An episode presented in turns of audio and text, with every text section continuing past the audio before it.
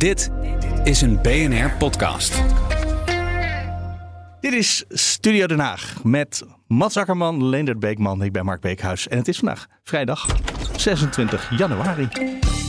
Uh, even kijken, maar hebben we echt alles wat we willen bespreken besproken? Uh, we, we, gaan het hebben over de, de, ik kan het woord niet meer horen, radiostilte.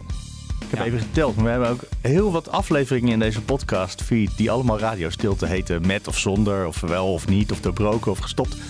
Gaan we het toch weer over hebben. Over de spreidingswet, waar je ja, het straks hebben, want kort. wat dat allemaal zegt.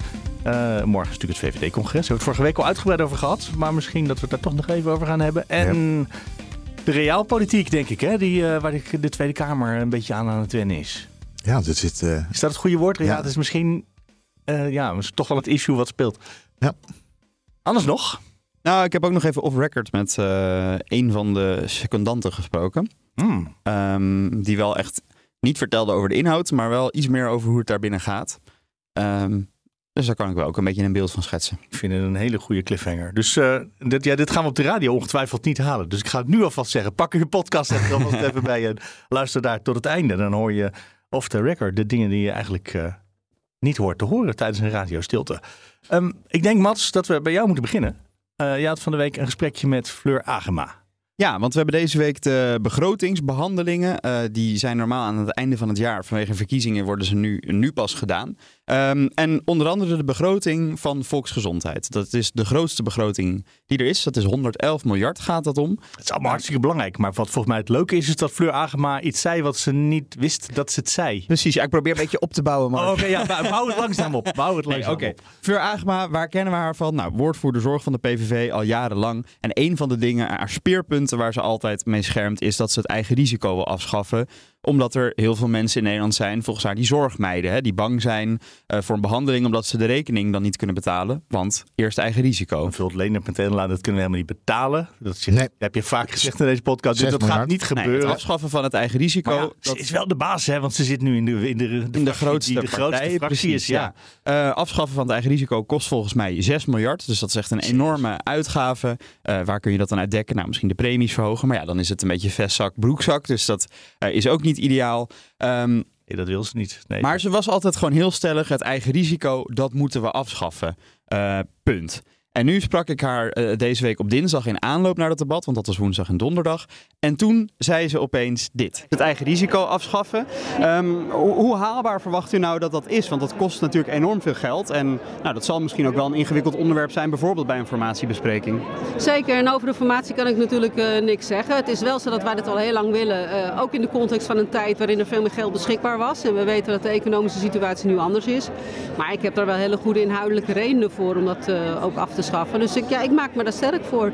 En daar kan ik uh, niets over zeggen wat, uh, wat de beweging is uh, of, of er een beweging gemaakt wordt. Je kan er zomaar overheen luisteren. Hè? Ja, want de eerste keer dat ik het, toen ik haar sprak, had ik het nog niet eens zo door. Ik dacht, ja, ze, ze zegt er gewoon weinig over, want formatie. Een heel logisch argument om eventjes te zeggen, ja, ik vind het wel, maar de discussie, het is aan de formatie, dus ik, daar kan ik nu toch nog even niks over zeggen.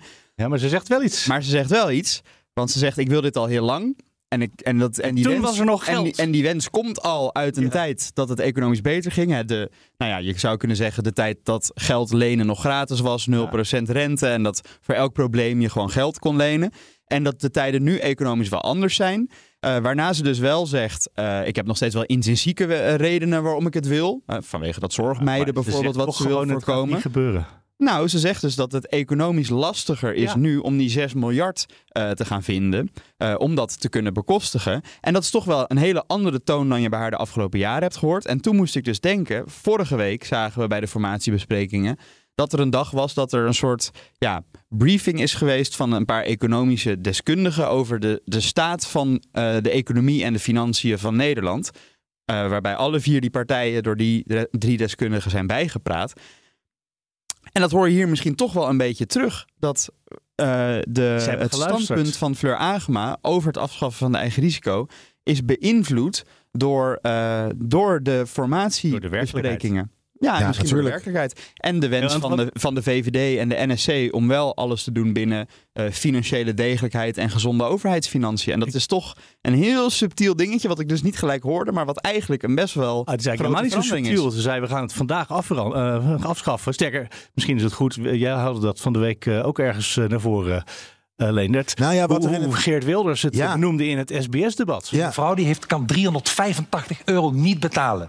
En u zegt, laten we even wachten. U kan wachten Nee, met dat, dat geld. Mevrouw kan niet wachten. Mevrouw ik moet nu het geld hebben. Ik zeg En dat, en dat, nee, ik was nog niet klaar.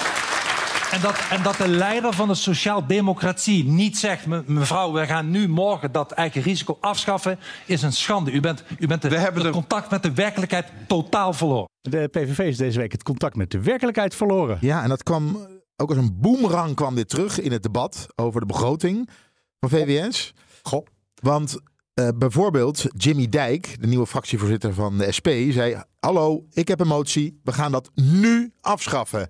Bent u voor of tegen? U bent eh, ja, uiteindelijk eh, tegen. En nou, toen kregen we dus een antwoord. Een heel logisch antwoord. Maar een antwoord zoals we dat niet gewend zijn bij de PVV van Fleur Agema. Ja, moeilijk. We hebben het eh, nu eh, onderhandelingen. Daar wordt over gesproken. Hè. We moeten kijken of het financieel kan. Nou, wat we net ook wel in het fragment hoorden.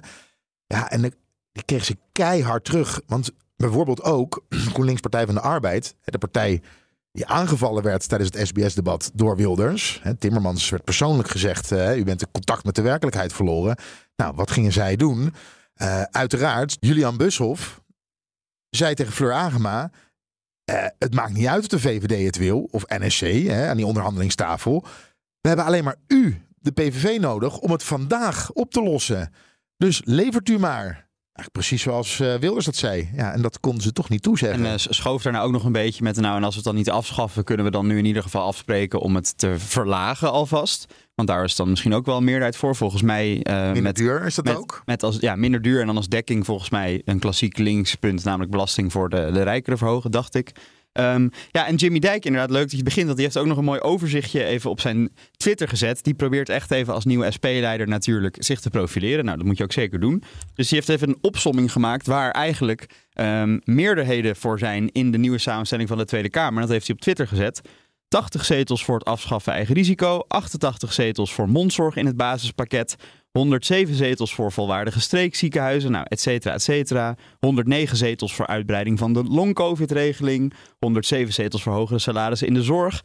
Dus ja, het punt wat hij wil maken, als iedereen zich houdt aan wat hij voor de verkiezing heeft gezegd, dan zijn dit allemaal dingen waar een ruime meerderheid voor is om dit gelijk door te voeren. Ja. En het gebeurt nu niet. Maar toen was daar eh, Caroline van der Plas. En die verbaast zich erover dat iedereen zo naar de PVV kijkt. Mag ik nog heel even voorzitten? Daarom heeft mij een bepaalde discussie zo verbaasd vandaag in de Kamer. Want dan denk ik, op de 23 november waren er allemaal huilsessies en uithuilen bij elkaar. En hou elkaar vast, want de PVV... Oh jongens, dat mag maar niet. En jongens, we gaan naar onrechtstatelijk en alles gaat er aan in Nederland. En, en diezelfde partijen, die staan nu hier te bedelen om die 37 zetels eh, van de PVV. En dat vind ik dan weer een beetje vreemd. Dan denk ik, vinden jullie nou wel goed dat de PVV gewonnen heeft? In dit geval wel, neem ik aan. Of moet de PVV weg en is het niks? Daar heb ik me een beetje over verbaasd. Maar goed, dat terzijde. Nou Leonard, vinden ze het nou wel goed dat de PVV gewonnen heeft? Of vinden ze het niks? Nou, dit is nou gewoon klassiek populisme. Ten eerste ga je een wij-zij tegenstelling creëren. Zoals die er in werkelijkheid niet is. Want het is niet zo dat alle partijen die nu voor het afschaffen van eh, de eigen risico, eh, de partijen die daarvoor zijn, allemaal huilsessies hebben gehouden. Want ze spreekt de Kamer toe. Jullie hebben huilsessies gehouden. Ik geloof dat ze het verhaal zou zijn dat eh, BNN, BNN-VARA, dat daar een soort van huilsessie geweest zou zijn, als het al waar is. Maar dat er in de Kamer huilsessies zijn gehouden, dat is natuurlijk volkomen Nou ja, ze, onzin. ze verwees naar die speech van Timmermans op de uitslagen. hou elkaar waarbij vast. hij zei: hou elkaar vast. Maar alsnog, hè, eh, je hebt ook, als je in, in de politiek, natuurlijk als je een bepaalde meerderheid kan halen voor een, een, nou, een, een legitiem, legitiem standpunt. Hè, dus het heeft niks met rechtsstatelijkheid of iets dergelijks te maken. Ze had alles door elkaar.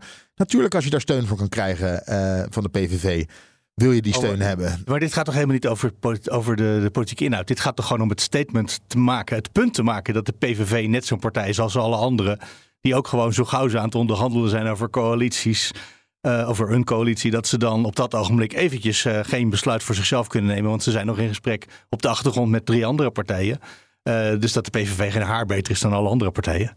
Ja, en, maar Dus waarom- dat, en dat is toch de het vraag ook echte beetje- wat hier speelt. Ja, het is een Tuurlijk fout. is dit het echte wat er speelt. Maar eh, de vraag is natuurlijk, alle partijen doen het. Ja. Dus je kan alle partijen die aan tafel zitten... of in het verleden aan een onderhandelingstafel hebben gezeten... of in een coalitie, kan je het verwijt maken... ja, u zei voor de verkiezingen A... en u doet na de verkiezingen B of C. Ja, een hele grote naar- meloen om door te slikken, Ja, dat- sommige partijen dan. Ja, het verwijt kan je naar iedereen maken. En het is een flauw verwijt. Maar Ja, het verwijt... populisme zei je. Het- dat is ja, wel populisme. een beetje, Eh, beetje bijna synoniem. Ja, maar het verwijt eh, kwam natuurlijk de afgelopen jaren... heel vaak, heel hard vanuit de PVV. Ja. En is het nu ook best wel logisch in, je kan het ook wel weer kinderachtig noemen. Nee, koekje van eigen deeg heet dat, Ja, dat, nu goed het, dat nu het koekje van eigen deeg komt. En we gaan het vaker zien. En ik heb nog even een klein stukje geknipt uit een debat over de verkiezingsuitslag van de provinciale statenverkiezingen. En daar zei Wilders tegen de VVD het volgende. Ja, voorzitter, ik wil ook een hele hoop. Maar ik zit in de oppositie. En de collega van de VVD zegt dat ze heel veel wil, maar ze zit in de coalitie. Dus ja, de voor de hand liggende vraag, voorzitter, ik heb daar nog een hele hoop andere vragen over. Maar de voor de hand liggende vraag is natuurlijk van, waar blijft dan wat u allemaal wil? U heeft het over, ik wil graag eh, de immigratie en het asiel beperken. Waar blijft dat? We wachten al, weet ik hoe lang op. De heer Rutte is in uw fractie geweest. U zei dat was een moeilijk gesprek, een pittig gesprek. We wachten er nog steeds op. Waar blijven uw wensen? U bent de fractievoorzitter van de grootste regeringspartij in Nederland. En u roept wat u wil, maar u levert volgens nog niets. Maar dit kan je zometeen één op één, kan een Kamerlid Ja, ja, ja, dit vanuit gaat, de eh, oppositie dit kopiëren. En die kan bij, bij Wilders, als hij zo meteen met Prinsjesdag eh, de, als premier de algemene politieke beschouwingen moet doen. En de instroom nog steeds niet omlaag is. En het risico aan het eigen zorg nog steeds niet afgeschaft is. En eh, de AOW-leeftijd niet verlaagd is. En de huurtoeslagen niet verlaagd zijn. Nou, ik kan een, eh, een hele rits eh, voorstellen waar, eh, waar, waar de PVV de afgelopen jaren gezegd heeft. BTW op boodschappen afschaffen. Dit kan morgen. Ja, elk oppositielid kan aan de interruptiemicrofoon lopen en zeggen: U zit in, ik zit in eh, de oppositie. zei, dit kan u zit morgen." in de coalitie. Gaat u het nou doen? Lever. Ja, Ja, en, en sterker nog, die andere, de toekomstige oppositieleden, die staan natuurlijk net iets sterker. Want Wilders heeft altijd beloofd dat het morgen kan. Ja, ja. VVD, PvdA, GroenLinks, eh, CDA, de afgelopen jaren regeringspartijen geweest, de afgelopen 10, 15. Die hebben allemaal niet beloofd dat het morgen kan. Geert Wilders wel. Maar die levert niet. nee. Ja. En nou hebben ze dus ook, zoals Mats al zei, vorige week college overheidsfinanciën gekregen. Ja. Van Klaas Knot van eh, de, de, de, de Nederlandse Bank. En van eh, Hazekamp. En eh, Het Centraal Planbureau. Centraal Planbureau en de SG van Financiën. Secretaris-generaal, Generaal, ja, de, hoogste, de hoogste ambtenaar bij het ministerie. En nou stond er in de Telegraaf een stuk, daar later meer over, dat de andere partijen heel erg geschrokken waren van de financiële kennis bij BBB. En dat eigenlijk iedereen op een gegeven moment met grote ogen naar Kamerlid Henk Vermeer heeft zitten kijken. eh, om de domme vragen die hij stelde. Ik zat maar even in mijn eigen woorden kort samenvatten. Maar we krijgen een reactie van Henk Vermeer. Als het goed is, we nemen dit 's morgens op, ergens tussen nu en een kwartier. Henk Vermeer is een van de medeoprichters van BBB. Is al heel lang bij die partij betrokken en ehm, hij is de financieel woordvoerder nu in de fractie. Ehm, maar in tegenstelling tot sommige van de andere onderhandelaars, hè, bij de VVD is Ilko Heijnen de financieel woordvoerder die aan tafel zit. Dat is een econoom.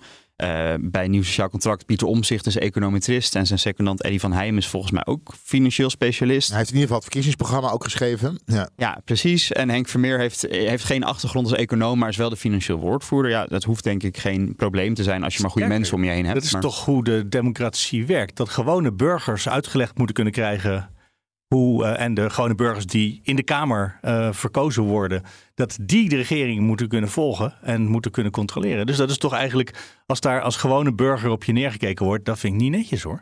Kan ik wel verklap- verklappen. Ik heb een beetje rondgebeld. Van, Ja. nou ja, wat klopt hier nou van het verhaal?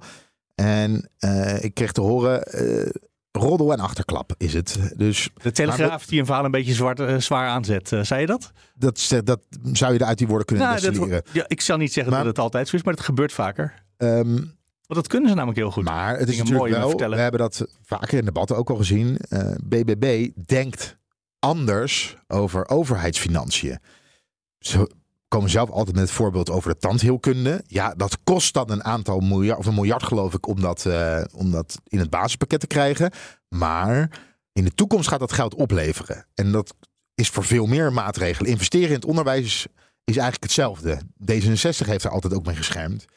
Investeer je in het onderwijs, dat kost nu geld. Dat gaat je later geld opleveren. Dan zegt het Centraal Planbureau, wij kijken vier jaar vooruit en in die tijd uh, maken Ja. de meeste mensen hun school niet af. nou ja, Toch dat nou is ja, het. Ja, het is moeilijk te krijg je berekenen dus hoeveel dan. Hè? Ja, en dan krijg je dus inderdaad dat partijen hun eh, verkiezingsprogramma zo afstemmen dat ze goed uit de doorrekeningen van het CPB komen. Maar dat is inderdaad dan een korte termijn doorrekening die kijkt van hoe staan je overheidsfinanciën er over vier jaar voor. Maar die inderdaad misschien niet de meerwaarde van 20 jaar goed onderwijs voor een hele generatie kunnen vatten. Dus Ik kan me herinneren dat we het over het VVD-verkiezingsprogramma gehad Nee, maar er hebben. zitten dus man- eh, manco's in die berekeningen. Dat geven Ja. ze zelf ook wel toe. En dat is waar BBB heel erg op inhaakt. Ja, maar het feit dat er, dat er iets waar is, bijvoorbeeld, en die tandheelkunde kan geld opleveren. eh, en om een voorbeeld te geven van een andere partij, eh, de GroenLinks Partij van de Arbeid, zij doen ook iets dat niet het geld oplevert waarvan ze denken dat het oplevert. Dat is wat ze bij banken gedaan hebben. Dat is het eh, inkoop van eigen aandelen. Dat willen ze afschaffen en dat zou ook Nou, niet afschaffen, maar zwaar belasten. Zwaar belasten, je- ja, zwaar, ja, dat willen ze zwaar belasten. En dat zou dan ook een paar honderd miljoen zou dat opleveren, meen ik. Ik geloof ze- 700 miljoen, maar in principe, het, getalletje doet er niet zoveel toe. Daarvan zeggen economen, ja, als je dat gaat belasten, en ook staatssecretaris Van Rij zegt dat, op het Ja. moment dat je dat zwaarder gaat belasten, dan eh, gaan ze een andere constructie zoeken, waardoor het niet meer gebeurt en het geld ook niet meer in het laadje komt. Maar op papier kan je zeggen, ja, we hebben 700 miljoen hebben we gevonden. En dus is mijn plan gedekt. En is mijn plan gedekt. Alleen in de praktijk gaat het niet zo uitwerken. Dus alle partijen, dus niet alleen BBB, hebben af en toe boter op hun hoofd. Maar je kan ook allemaal voorbeelden vinden. Waarbij je zegt van ja, kan financieel heel degelijk begroten. Maar kijk eens naar bijvoorbeeld hè, dat voorbeeld dat ik net gaf. Dat werkt dus niet. Maar dat betekent niet dat alles niet werkt. Maar ja, goed, dat kan je wel zo als argument inzetten. En dat hebben we nog wel eens bij BBB gezien. Ja, oké. Maar er- wat ik toch interessant vind is dat het BBB kwalijk genomen wordt dat ze een, een gewone burger, eh zal vast gewoon een intelligente man zijn. eh, anders dan richt je ook zo'n partij niet op. Die wordt kwalijk genomen dat hij niet meteen een top-econoom is. Dat vind ik toch, eh, dat is toch hoe een, Als het verhaal waar is. maar zelfs als het aangezet is, dan zit er toch een ondertoontje in. Of is dat, is dit nu een waar Ze waren, vuur? ze waren geschrokken van het gebrek aan kennis. Ja, Maar goed, Mona Keizer zit er ook aan tafel. En Mona Keizer is eh, staatssecretaris eh, voor Economische Zaken geweest. ja. Ik kan me bijna niet voorstellen dat zij geen kennis heeft van, Nee, precies. van financiën. Op zijn minst lijkt me- hoe het budget van een eh, ministerie werkt. Ja, die, die heeft ook eh, bij eh, ministerraden gezeten. Die heeft echt wel enigszins kaas gegeten van, eh van En overheidsfinanciën. overigens, eh, en ook nog even in, in, de, in defense voor, voor Henk Vermeer. Hè, de, veel van die andere onderhandelaars daar zijn al langer Kamerlid. Of hè, die zitten gewoon wat langer. Ehm, of ze hebben dus die achtergrond. Maar het is ook, hij is als eh, oprichter van BBB voornamelijk bezig geweest met de uitbouw van die partij. Eh, hè, leden werven, stemmers trekken, eh, een partij Ja, maar opzetten. is toch, als je met de grote jongens mee wil doen, hè, als je mee wil voetballen, dan, eh, ja, dan word je ook, dan doe je ook echt mee. Tuurlijk, Dan- tuurlijk. Maar je kan, je kan wel begrijpen dat hij misschien wel iets van een achterstand ten opzichte van die anderen heeft. Maar dat Ja. hoeft inderdaad niet een soort van reden te zijn om iemand meteen bij gesprekken te, te disqualificeren. Eh, nee, we hebben natuurlijk ook heel vaak ons verbaasd over de iets wat naïevige vragen van eh, de partijleider van eh, BBB. Hè? Die dan, eh, voorzitter, hoe werkt deze procedure eigenlijk halverwege een debat eh, stelde. Dat soort vragen. En die er heel lang charmant om gevonden werd. Dus misschien is dat ook iets wat bij die partij past. Ja. Misschien ook niet.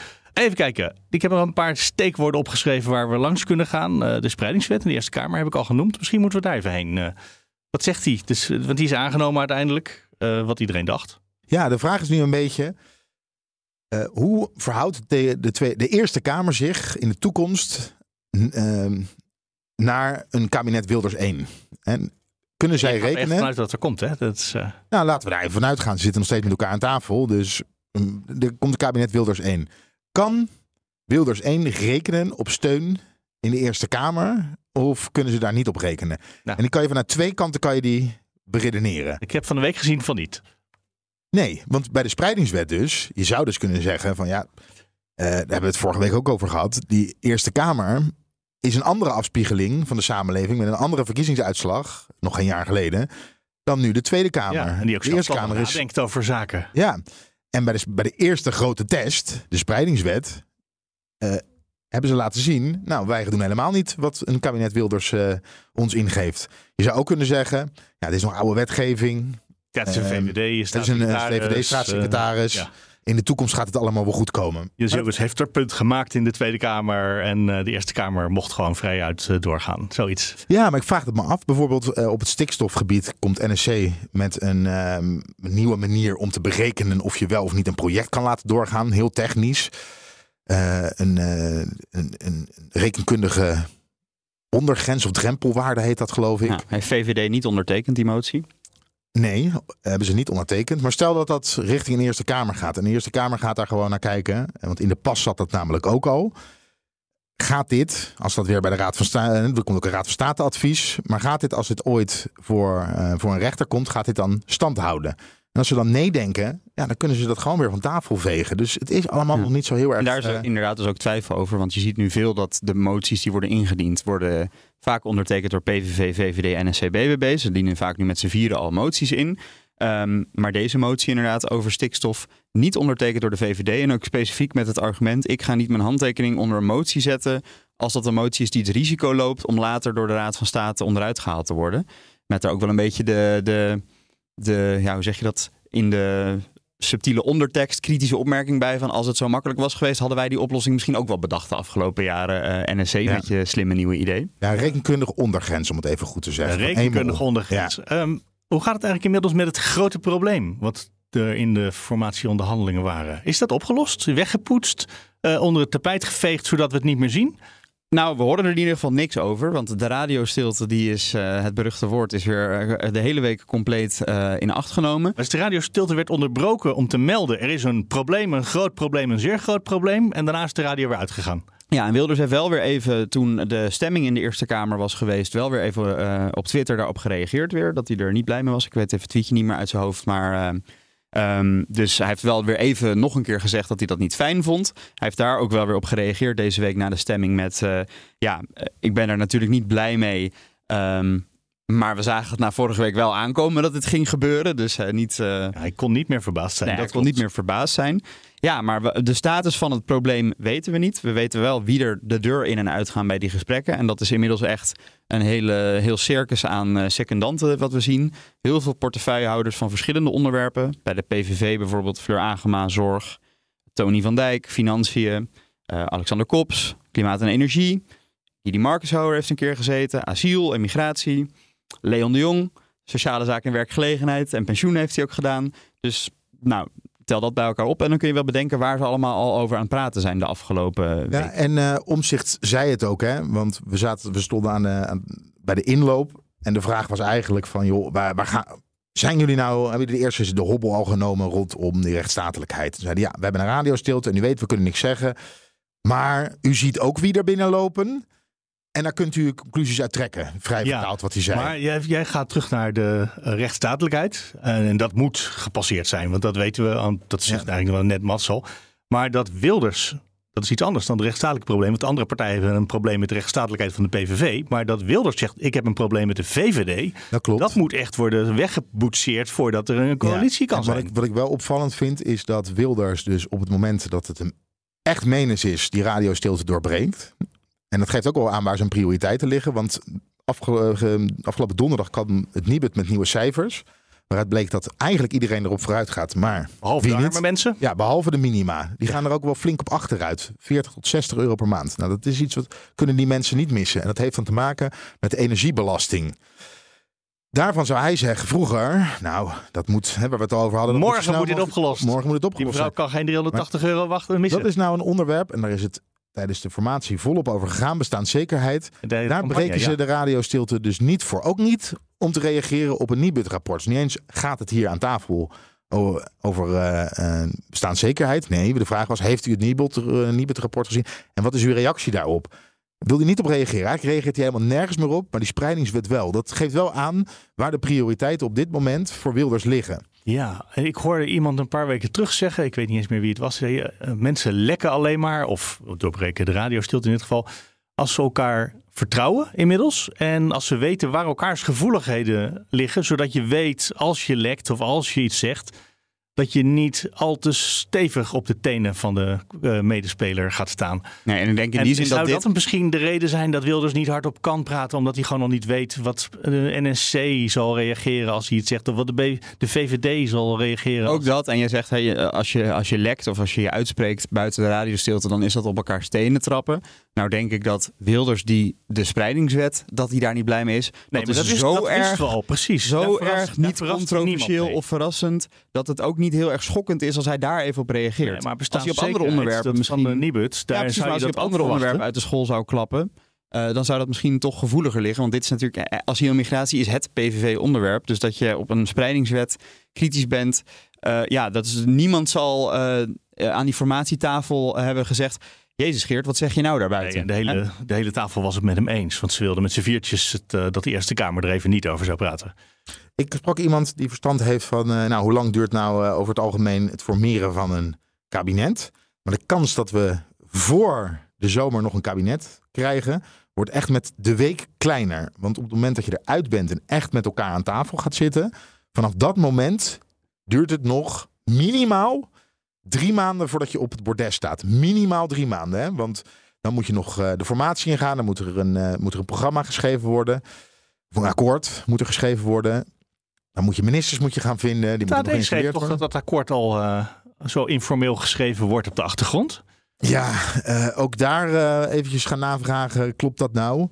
Is ook een beetje vet Ik aangezet. kon, dat, ik kon dat ook niet bevestigd krijgen. Natuurlijk heb je het met elkaar, ook omdat er commissievergaderingen zijn. Hè? En daarin ga je bijvoorbeeld, als het over eh, een begroting eh, gaat over de zorg, ga je dingen met elkaar afstemmen. Helemaal als het gevoelig ligt aan die formatietafel. Dus er wordt wel gesproken.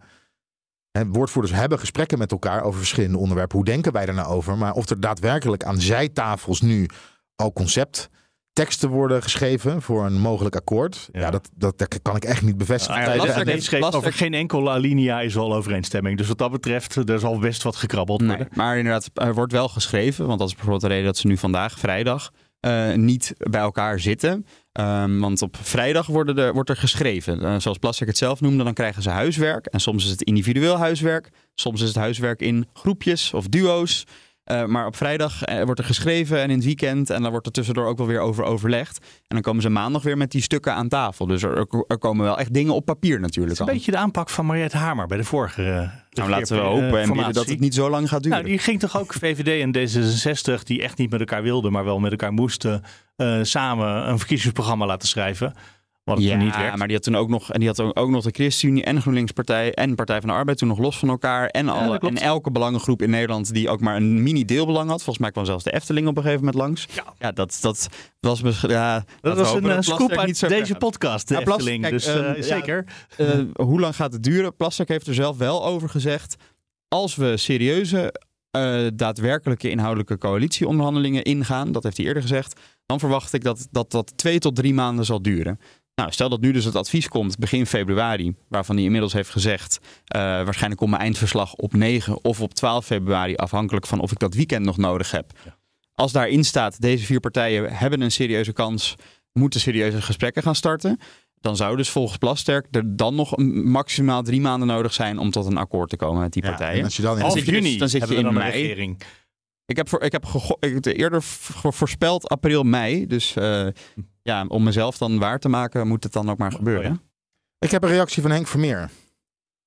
Houdt ons niet langer in spanning. Ja, wij reageren niet op flauwekul. BBB kijkt ook buiten de modellen om. eh, en dat Den Haag dit lastig vindt, dat weten wij al langer. Oké, maar ik, Dat is geen nieuws. die, jawel, die eerste zin is, wij reageren niet op flauwekul. Hij reageert wel, dus het is geen flauwekul. Want anders zou hij Ja. niet reageren. Ik denk dat Henk heel veel eh, journalisten op de lijn heeft gekregen met de vraag: eh, reageer hier eens op. Eh, ja. Dus dan Ja, maar ik, ik lees een reactie Ja. van drie zinnen. En, eh, of ik hoor een reactie van drie zinnen. Dat is vast niet hoe hij het bedoelde. Maar eh, dank hem hartelijk even, want het komt Ja, via. WhatsApp binnen nu. Toch? Ja. Eh, dat is toch ook wel weer leuk. Live nieuws. terwijl we in de Henk is overigens ook zitten. erg, erg goed eh, met journalisten altijd. Hij is wel Ja. een hele, hij lekker spraakzaam. eh, kan altijd wel met hem lachen. Mooi. Dat is niet, totaal niet relevant, maar eh, toch, Ehm, even, toch even de mens achter de politicus eh, in de podcast eh, benoemen. Het is ook BBB, hè? dat is net als eh, Caroline van der Plas, die ook altijd iedereen heel gezellig vindt. Er zijn heel veel, best wel veel gezellige politici. Dat is me wel echt eh, meegevallen allemaal eh, aan dit werk. Ja. Ja. Dat is toch fijn, dat het allemaal fijne mensen zijn. Ehm, ik zat trouwens van de week te kijken, bedenk ik me nu eens naar een, een, een wat over de inf- elektriciteitsinfrastructuur. ja, ik ook. Daar viel mij wel op dat ze bij NSC, Wietske Postma, dat die toch de PVV nog wel vervelende vragen stelde. In de, in de categorie, eh, ik hoor bij de PVV alleen maar het benoemen van de problemen, maar laten we het eens hebben over de oplossingen. Ja, normaal En- krijgen zij zelf altijd het verwijt. Ik, en NSC krijgt normaal gesproken het verwijt. Ja. Wij horen u alleen maar de problemen benoemen. Ja, Ja. maar de, de- het was ook een terechte observatie. Eh, en de PVV hield ook stand, bleef bij het benoemen van eh, wat de problemen waren. Het ging over. eh, De netcongestie, de Netcongestie, drukte, de drukte ja, op het net. En wat mij opviel tijdens dat debat, er was een, eh, een ik, zag, ik wou zeggen, ik zag nog geen liefde tussen die twee partijen. Nee, eh, dat Nee, zag ik ook niet tijdens het debat. En wat me ook opviel, eh, het ging weer over de waan van de dag. Want er was namelijk een brief vanuit het ministerie gekomen met we gaan maatregelen nemen. En mogelijk kunnen er in de toekomst laadpalen eh, wat minder stroom gaan leveren op het moment dat het net te druk wordt. En dat was vrij dat vertaald. Was, eh, heel anders in het krant terechtgekomen. Ja, dat was vrij vertaald. De minister komt eh, bij u achter de voordeur uw wasmachine uitzetten. Nou, Jette heeft dat, eh, heeft dat ontkend. Je heeft wel Maar- tien keer heeft hij gezegd dat hij niet in je meterkast komt zitten. Ja, maar het was dat dus vond ik een hele geruststellende gedachte. Ja, maar het ging een deel, een heel groot deel, want jij hebt het ook gekeken van het debat, ging daarover. En dat vond ik zonde, want dit is namelijk echt een ontzettend groot probleem. Ja. Dit is een probleem voor mensen thuis. Hè. De, de- eigenlijk gewoon stroom dat geleverd wordt, het laag, hoe jij weet dat, hè? Het laag, Laagspanningsnet. ja. de stekkers is, thuis. is, is, is over, eh, kan overbelast raken en dan kan echt de stroom uitvallen. Eh, maar ook voor, voor MKB'ers eh, is het een groot probleem. En ook grote bedrijven hebben ook last Ja, van. van de grote bedrijven weten we al heel lang, maar dat het nu ook in woonwijken binnenkomt, dat is iets wat toch wel nieuw is. Ja, en dat probleem moet opgelost worden. En een van de manieren om dat te doen is een prijsprikkel inbouwen. En dat kan je zeggen mensen straffen. Of je kan zeggen we belonen mensen die hun wasmachine overdag aanzetten als hun zonnepanelen ook stroom opleveren. En Harry Bontebal zei dat heel mooi. Die zei door, als het bij de een de rekening omhoog gaat en bij de andere omlaag, dan kan je het allebei zo benoemen, maar het is gewoon hetzelfde. Nou ja, het is een beetje semantisch, want eh, belonen is uiteindelijk ook gewoon beprijzen. Als de netbeheerders gewoon de kosten doorberekenen, is het uitdelen van de beloning gaan ten koste van iemand anders. Dus belonen is gewoon hetzelfde als eh, beprijzen. Maar er ging ook een heel groot deel van het debat over. En het viel mij op dat eh, ze eigenlijk het probleem wordt erkend. Maar een gezamenlijk, hè, gezamenlijk kijken van, nou kunnen we hier nou een oplossing voor vinden voor een probleem waar iedereen het over eens is. Hier zijn op zich niet hele grote principiële bezwaren. Eh, Niemand wil dat Nederland zonder stroom komt te zitten. Nee. Nou, nee. En dan is het ook wel weer leuk om te zien hoe verschillende partijen erin staan. Want BBB zegt gewoon, ja, ehm, we moeten gewoon het net verzwaren, punt. Hè, Moet, het moet gewoon niet bestaan, dit ja, probleem. We moeten het net gewoon. Dat is eigenlijk wat de als, je het was, net, als je het net verzwaart, is het probleem opgelost. Bij PVV op zich wel grappig. Zij zeggen ja, omdat, zij zeggen, omdat wij zo'n zoveel met duurzaamheid bezig zijn. En die energietransitie daardoor zo eh, ontzettend snel gegaan is met elektrische auto's. En eh, het gas moet thuis afgesloten worden. Natuurlijk raakt het net dan overbelast. Daar heeft hij eigenlijk gelijk in. Ja. Maar de enige oplossing is dan stoppen met die hele energietransitie. Nou, Nee, dat de wilde- oplossing is natuurlijk die van, eh, van het BBB, het verzwaren van Ja. het net. Ja, Maar dat is maar weer voor de PVV is het dat, eh, stikstofprobleem. ja. Ja, en En de netbeheerders zelf zeggen dat ze ook weer technische personeelstekort tekort komen. Ja, dat moet uit het ja, ja. buitenland gehaald worden. Nou, ligt ook weer allemaal gevoelig. Ja, en dat vond ik wel teleurstellend. Dat is een ingewikkeld ik ga probleem nu, eigenlijk. ik Nee, ga maar nu eens horen en- van een kamer. Ja. Maar jij ziet echt eh, een kamer met elke fractie heeft zijn eigen analyse, met zijn eigen problemen, zijn eigen oplossing. Mhm. Ah, je kan hem ook, als je in een positieve bui bent, zeggen: er waren dus wel 18 oplossingen voor het probleem wat voor ons ligt. Eh, dus er zijn echt, we kunnen kiezen wat onze oplossing is die we willen. En ze moeten het alleen nog even eens worden. Ja, precies. Nou, Dus, maar we hebben echt de, de, de luxe dat we het op heel veel verschillende manieren kunnen aanvliegen. ja. Maar ook hier weer, eh, weet want er moet ook nog over de... bui, maar vandaag lukt het. er moet ook nog over... Die salderingsregeling moet er, eh, moet er gesproken worden. Want Ja. dat, is een lastig, eh, dat is een lastig onderwerp. Er komt door Ja. de vele zonnepanelen af en toe gewoon veel te veel stroom op het, eh, op het net. Ja, op wordt het moment nu- dat het niet gebruikt dat dat wordt. niet gebruikt wordt, dat wordt nu vergoed. Ja. Je krijgt de teruglevering, eh, krijg je een, een bepaald bedrag krijg je ervoor. En voor de mensen zonder zonnepanelen is, maakt dat de stroom relatief duur. Dus eigenlijk is het een belasting voor mensen die het al goed hebben. Je zou zeggen, de PVV is dus daartegen. Nee. Hè, dus tegen eh, de salderingsregeling. Dus het moet afgeschaft worden, om het even ingewikkeld te maken. nee dat zal... eh, dat was eerst ook zo. onbetrouwbaar Maar we ooit een, hele, ja, we ooit een, we ooit een heel mooi debat doen, ja. gezien waarbij... eh, De Geert Wilders toch het standpunt even Kops, persoonlijk had veranderd. ja, waarbij Kops in tweede termijn ineens volledig gedraaid was. Ja. Maar ook die salderingsregeling. Ooit moeten ze daar iets mee. En zeker naarmate er meer zonnepanelen komen. Ja, op, want zelfs te veel, te veel stroom terugleveren gaat ook problemen opleveren. Maar een oplossing zag ik nog niet. Ik was voor mij een Nee, teleurstellend debat. het is ook een technisch probleem wat de Kamer helemaal niet technisch moet willen oplossen. Dat is iets wat eh, netbeheerders heel goed kunnen. Die moeten gewoon de middelen krijgen om dat te gaan regelen. Eh, dat is volgens mij wat het. eh, tenzij je een geleide economie nastreeft, wat ik ook een heel goed idee vind. Maar, maar dan in dat geval moet je inderdaad wel als- als Kamer weten waar je het precies over hebt, tot achter de komma. Maar Nou, er zijn een paar oplossingen. Jij weet dat volgens mij wel beter dan ik. Maar onder valse andere, onder, andere, onder andere dus die prijsprikkel inbouwen. Waardoor mensen toch, dat hebben we ook gewoon gezien toen gas duurder werd. Zijn mensen ook anders met hun energie omgegaan. Eh, en de andere is toch dat hele laadpaalverhaal en de, de, de minister eh, bij u eh, binnen om uw wasmachine uit te zetten. Nou, zover moet het niet gaan. Maar wel dat er toch slim geregeld wordt dat als er netcongestie plaatsvindt, dus een overbelasting van het net, dat er de laadpaal wel iets zachter die auto kan gaan opladen als hij, als hij aan de lader staat. ja, en je zegt de minister moet niet thuis. Nou, dat zal de minister ook niet zijn. Dat zal het energiebedrijf of de netbeheerder zijn. Maar op het moment dat je kan kiezen tussen. Oké, half Amsterdam heeft een blackout. Of, Oh nee, nee, niet half Amsterdam. niet weer. Oké, half heel Zutphen heeft een blackout. Of Acceptabel. we doen in eh, vijf huizen in dat ene straatje waar het probleem echt zit, doen we heel eventjes de verwarming een half uurtje wat lager. Nou, misschien dat je daar zelfs nog wel wat voor zou kunnen zeggen dat dat een goed idee is. Dat je niet heel Zutphen of eh half Moet je wel dat inzicht hebben. Ik weet niet tot welk detailniveau ze dat weten, maar... Nou, bij het nieuwe ja. sociaal contract ging het dan ook weer om privacy. Je moet dan eh, slimme meters van buitenaf uitlezen, wat natuurlijk ook al gebeurt. Ja. Maar daar moet, wel, daar moet wel over gesproken worden. Ook nog privacy. Ja. Wat een probleem. Ja. Nee, serieus, hier komt alles in samen. Het hele industriebeleid tot en met de privacy thuis achter de voordeur. Dat is Ja. inderdaad wat dit onderwerp zo interessant maakt. Maar goed, eh, wat ik wou zeggen, je zou zelfs nog kunnen verdedigen dat het wel verstandig is dat de minister in een noodsituatie heel eventjes kan in zeggen... de meterkast komt. eh, ja, we doen niet de hele straat uit, maar je mag nu je auto even niet opladen dit kwartier. Want dat kunnen we gewoon even niet hebben. En anders dan moeten we eh, nou ja, een, hele, een hele stadsdeel, een heel stadsdeel overbelast laten maken. Dat is niet, we hebben natuurlijk in Amsterdam nu twee van die stroomstoringen gehad. Ja, drie Afgelopen mij zelfs maandag. deze week. Eh, oh, ik heb er twee, van twee heb ik meegekregen, kan je nagaan. En dat had te maken met snelle veranderingen in het weer. Dus we moeten ook helemaal wennen aan hoe het nieuwe energiestelsel werkt. Enfin, dat is niet helemaal het onderwerp van deze podcast. Ehm, ik denk, we zijn al bijna eh, 40 minuten onderweg, dat we eens naar, naar morgen moeten gaan. VVD-congres. Eindelijk een gezellig congres met bier en bitterballen, hoorde In ik meneer. Slettenhaar bij eh Nieuwsuur zeggen. Ja, en de vraag, Ja, hij is, verheugde zich op de gezelligheid. ja, de vraag is, wordt het een gezellig congres? Of ja, gaat het, gaat toch, eh, wordt, slaat toch de vlam in de pan? het, het zal toch wel eh, even schuren. Ook al gaan ze daarna aan de bier en bitterballen. Nou, als we de NOS mogen geloven, wordt het allemaal niet zo spannend. Het gaat over de, de Europese verkiezingen en het Europees Ja. verkiezingsprogramma. En niet over de actualiteit. Toch zijn er wel moties ingediend, hè Mats? Er zijn vier actuele moties waarover gestemd gaat worden. Twee daarvan gaan over vuurwerk, dus dat is wel actueel.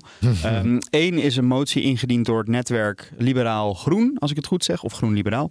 Ehm, dat is een motie waarin de VVD wordt opgeroepen ehm, aan de onderhandelingstafel vast te houden aan alle klimaatdoelen van Parijs en daar geen concessies op te doen. Waarbij het advies van het partijbestuur is om die motie over te nemen. Oftewel, ze willen dat de partij daarmee instemt. Ehm, en de ander is eentje over arbeids- en kennismigratie. eh, met eh, als strekking eigenlijk van ja, we hebben voor sommige sectoren voor economische groei en behoud van welvaart eh, arbeids- en kennismigranten nodig. En ehm, een onderwerp waar andere partijen aan onder onderhandelingstafel minder om staan te springen.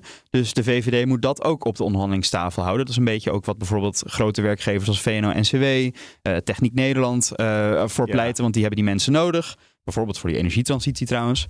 Ehm, ook het advies van het bestuur overnemen. Ehm, dus dat is interessant. Hè? Gaan de, vaak stemmen de leden in lijn met wat het bestuur adviseert. Niet Eh, altijd, maar vaak wel. En soms is het dan 50-50. Ja, precies. Wij zagen anderhalf jaar geleden was het volgens mij, of misschien nog weer iets langer, met stikstof was het toen dat het, dat was het moment dat de VVD-leden keerden zich tegen het stikstofbeleid van de eigen minister. Met een klein verschil, maar dat was toch wel, eh, ja, wel even een nederlaag en wel echt even Ja. frictie binnen die partij. Nu, ja, ik voorzie niet in één keer dat de leden hier tegen gaan stemmen, want het is meer een oproep aan de formatietafel om vast te houden aan wat er al in je verkiezingsprogramma staat. geen oproep eh, die je vanuit de, het Nijpelsvleugel, zal ik maar zeggen, zou verwachten. Laten we niet in de regering gaan zitten met de PVV hooguit Daar, gedogen. daar is geen officiële motie voor ingediend. Dus het wordt niet à la de CDA-congres. je- Bent nee, u precies. voor de samenwerking, dan stemt u tegen u de met- motie. ja. En met geel en groen.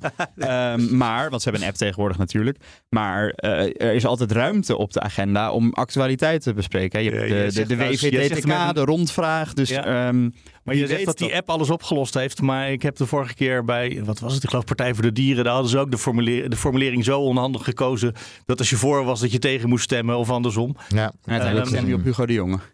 ja. Precies. Dus eh, dat, eh, die app is een deel van de oplossing, maar niet het hele probleem. Maar die Europese verkiezingen is voor de VVD toch ook gewoon weer een lastig pakket. En ik neem aan dat daar morgen toch ook wel over gesproken gaat worden in Noordwijkerhout. Want Malik Asmali wilde van de nieuw, Renew-fractie wilde die, Ja. dus zou het logisch zijn als nummer twee dat hij eh, de nieuwe voorzitter zou worden. Dat zijn de Europese liberalen. Waar de, VVD familie waar de VVD in zit. En ook En D66 D66. trouwens. Ja, eh, de PVV zit nu niet in het Europarlement. Maar gaat dat mogelijk wel komen? En zou dan bij de ideegroep komen? Ehm, maar binnen de... idee is groep Orban, toch? En, Conservatief. dus Voor het beeld. Maar in, in, eh, in Brussel zeggen ze van ja, hoe kunnen we nou eigenlijk met een VVD, eh, als ze gaan regeren met een partij in Nederland, die bij de rechtsradicalen horen, eh, hier ook in die fractie zitten. Dat schijnt allemaal ontzettend lastig te liggen. En dat moet morgen toch wel benoemd Ja, worden. Renew heeft volgens mij met elkaar afgesproken dat partijen die nationaal met extreem rechts gaan samenwerken, dat die niet in Renew kunnen blijven. Is VVD is, heeft een bijzondere Nou er- positie, dat er een op- die dat er zijn een van de oprichters van Renew zo'n Ja, beetje. Er is, er is een optie, want dat is inderdaad Rob Jetten van D66, die dus met eh, in dezelfde fractie zit. Of nou, die zit Ja. in Nederland, maar die vertegenwoordigt D66. Heeft er vorige week al toe opgeroepen van ja, laat, of af, vorig weekend zeg maar, van ja, laat, we moeten in ieder geval onderzoeken of de VVD nog welkom is. Ehm, want, hè, eh, want dat samenwerken met de PVV. Ehm, ja, en Malik Asmani, wel interessant, want eh, hij had zich kunnen kandideren voor het eh, fractievoorzitterschap. Hij heeft Ja. zich überhaupt niet kandidaat gesteld. nee, maar en dat is omdat hij weet dat hij het niet zou redden. Exact, hij heeft, natuurlijk, hij heeft aangevoeld Ja, dat dat, dat, ja, dat, dat niet kon. de PVV had- heeft hem zijn plek gekost. ja, Zielig, ja, eigenlijk wel. De onderhandelingen, een hele goede onderhandelingen waarvan we nog niet eens weten of ze lukken. En ja, ja dus dat is voor. En Asmani gaat volgens mij ook spreken op het congres morgen. Dus ook wel benieuwd Zeker, naar zijn als verhaal. lijsttrekker zeker. Ja. Die, eh, Kun je daarheen? ik ga daarheen. Ik verheug me er echt enorm op. Eigenlijk al de hele week. Wat ga je hem vragen, Osmani? Nou, ik ga dit wel even voorleggen. Van eh, joh, hoe gaat dat nou eh, zometeen in de toekomst? Hoe Als het er leven? Nederland Ja. met, eh, met, eh, met PVV geregeerd gaat worden. Hoe ziet de Is het toekomst er dan uit waard? voor de... Ja, is dat het waard? Maar ja, dan zal de VVD natuurlijk zeggen, de landelijke regering is heel belangrijk. Ja, nou, we gaan, het, eh, we gaan het van hem horen.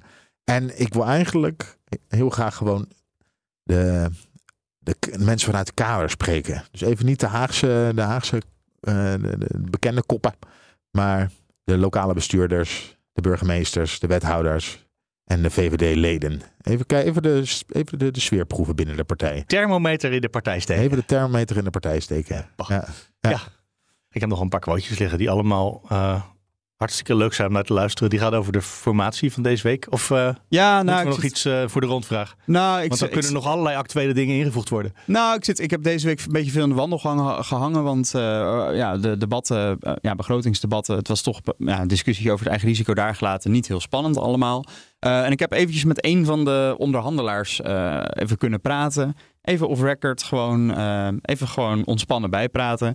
Nou, eh, deze persoon heeft niks losgelaten over inhoudelijk de besprekingen. Maar er waren wel eh, sommige journalisten wat kritisch op hoe lang ze nou steeds met elkaar praten, die formerende partijen. Want ze zitten vaak drie of vier dagen per week. En dan doen ze twee sessies, vaak van tien tot één ongeveer. En van twee tot vijf, dus twee keer drie uur op een dag, soms korter. Waarbij je toch wel denkt, nou, is dit nou het tempo erin houden? Ehm, maar deze persoon vertelde me wel dat, dat het echt wel heel intensief is, zo'n proces. Dus je zit er met z'n acht aan tafel. Over alles wil iedereen eh, zijn zegje doen. Nou, en dan begreep ik wel dat, dat Geert Wilders inderdaad ook aan tafel soms wel ehm, stevig uit de hoek kan komen. oh, Ehm, dus hij zijn knuffelstand ver- ver- verliest hij daar af en toe. Ja, maar niet, eh, niet, niet boos of zo, maar wel gewoon ehm, zeg, ja, fel op bepaalde punten die hij belangrijk vindt. Ehm, en dat eh, Pieter om zich juist soms de dingen een beetje eh, moet overdenken. Dus eh, de, de, de dingen die je, die, je, die je verwacht, die gebeuren aan tafel. eh, die gebeuren ook. En dat Oh. maakt dat op het moment dat ze dus klaar zijn met die sessies, dat iedereen er wel echt een soort van uitgeblust uitkomt. En dat het ook echt weer even nodig is om even iets anders te doen. Ik vond het ook grappig dat Caroline van der Plas ook benoemde deze week eh, in het begrotingsdebat eh, volksgezondheid. ehm, dat ze het fijn vond dat ze weer even twee dagen kon debatteren. Misschien ook vanwege die intense onderhandelingen. Ehm, maar misschien nog wel het meest interessante wat ik, wat ik eh, dus hoorde eh, uit, uit dit korte gesprekje was dat als ze er niet uit gaan komen met elkaar, dat het niet aan de persoonlijke verhoudingen ligt. Want die zijn wel heel erg goed, begreep ik. Dus op persoonlijk vlak zou het deze vier partijen en deze personen onderhandelaars kunnen lukken. Dat is ook wat Jesse Jogus de hele tijd zegt. Weer hartstikke goed. Wat maakt het zo goed? De sfeer is goed en u weet, ik ga er niks over zeggen. Blijft de sfeer goed? Wordt het beter? Het is gewoon goed. En eh, ja, radiostilte is voor mij net zo ongemakkelijk als voor u, dus dit was hem dan weer. Ja, nou ja, precies. Maar dus je kan natuurlijk zeggen dat de sfeer goed is. Ik heb wel bevestigd gekregen dat de sfeer goed is en dat het niet een voor de camera. Want je kan natuurlijk nooit voor de camera zeggen de sfeer is slecht.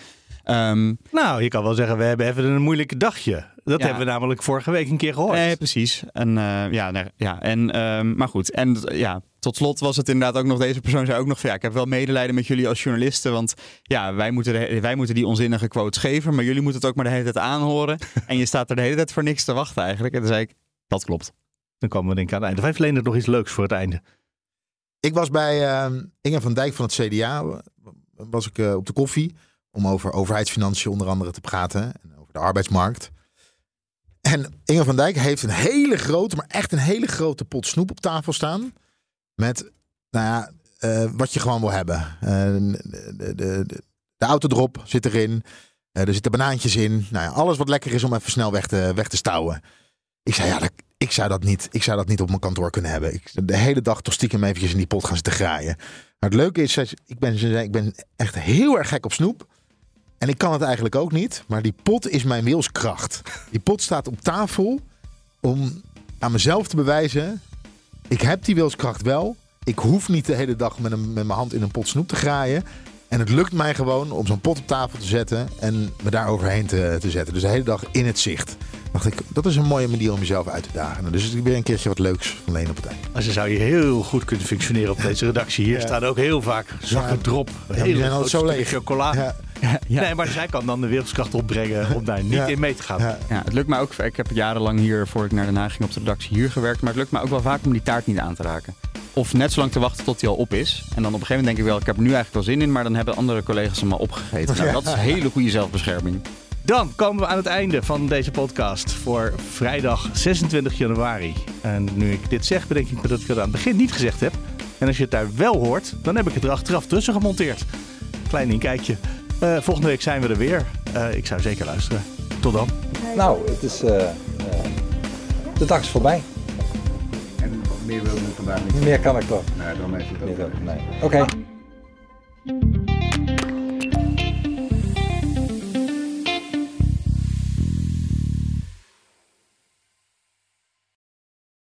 Ook Hugo Reitsma vind je in de BNR-app. Superhandig die BNR-app. Je kunt alle programma's live luisteren, breaking nieuwsmeldingen. Je blijft op de hoogte van het laatste zakelijke nieuws. En je vindt er alle BNR-podcasts, waaronder natuurlijk de belangrijkste, Boeken zijn in de wijk. Download nu de gratis BNR-app en blijf scherp.